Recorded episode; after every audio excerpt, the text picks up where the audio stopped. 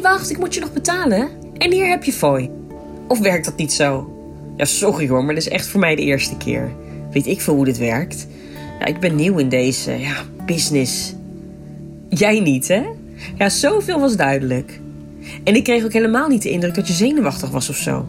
Ik wel hoor, een beetje. Tuurlijk, we hadden het een en ander al doorgesproken. Of nou ja, wij niet.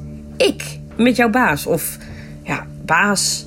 Ja, sorry, dat weet ik dus ook niet hoe je dat noemt. De dame van de agency bedoel ik. Maar toch, ondanks dat contact vooraf was ik nerveus.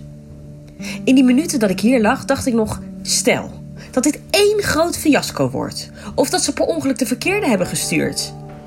Ja, dat kan toch? Maar niets bleek minder waar.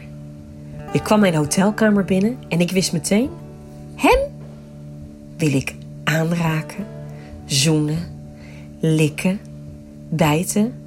Maar goed, daar begon jij al mee. Je sloeg het dekbed weg.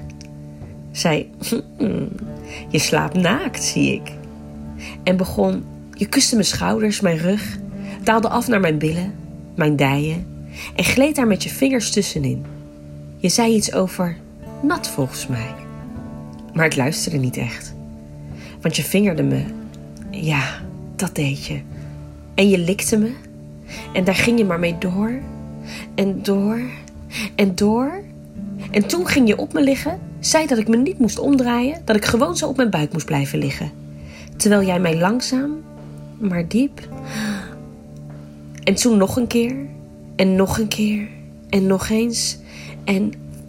Mm, ben je niet kapot eigenlijk? Goed, maar die fooi dus. Hoe werkt dit? Hoeveel? 10% van totaal? 20? Of rond ik het bedrag maar gewoon omhoog af? Nou ja, wat ik dus al zei.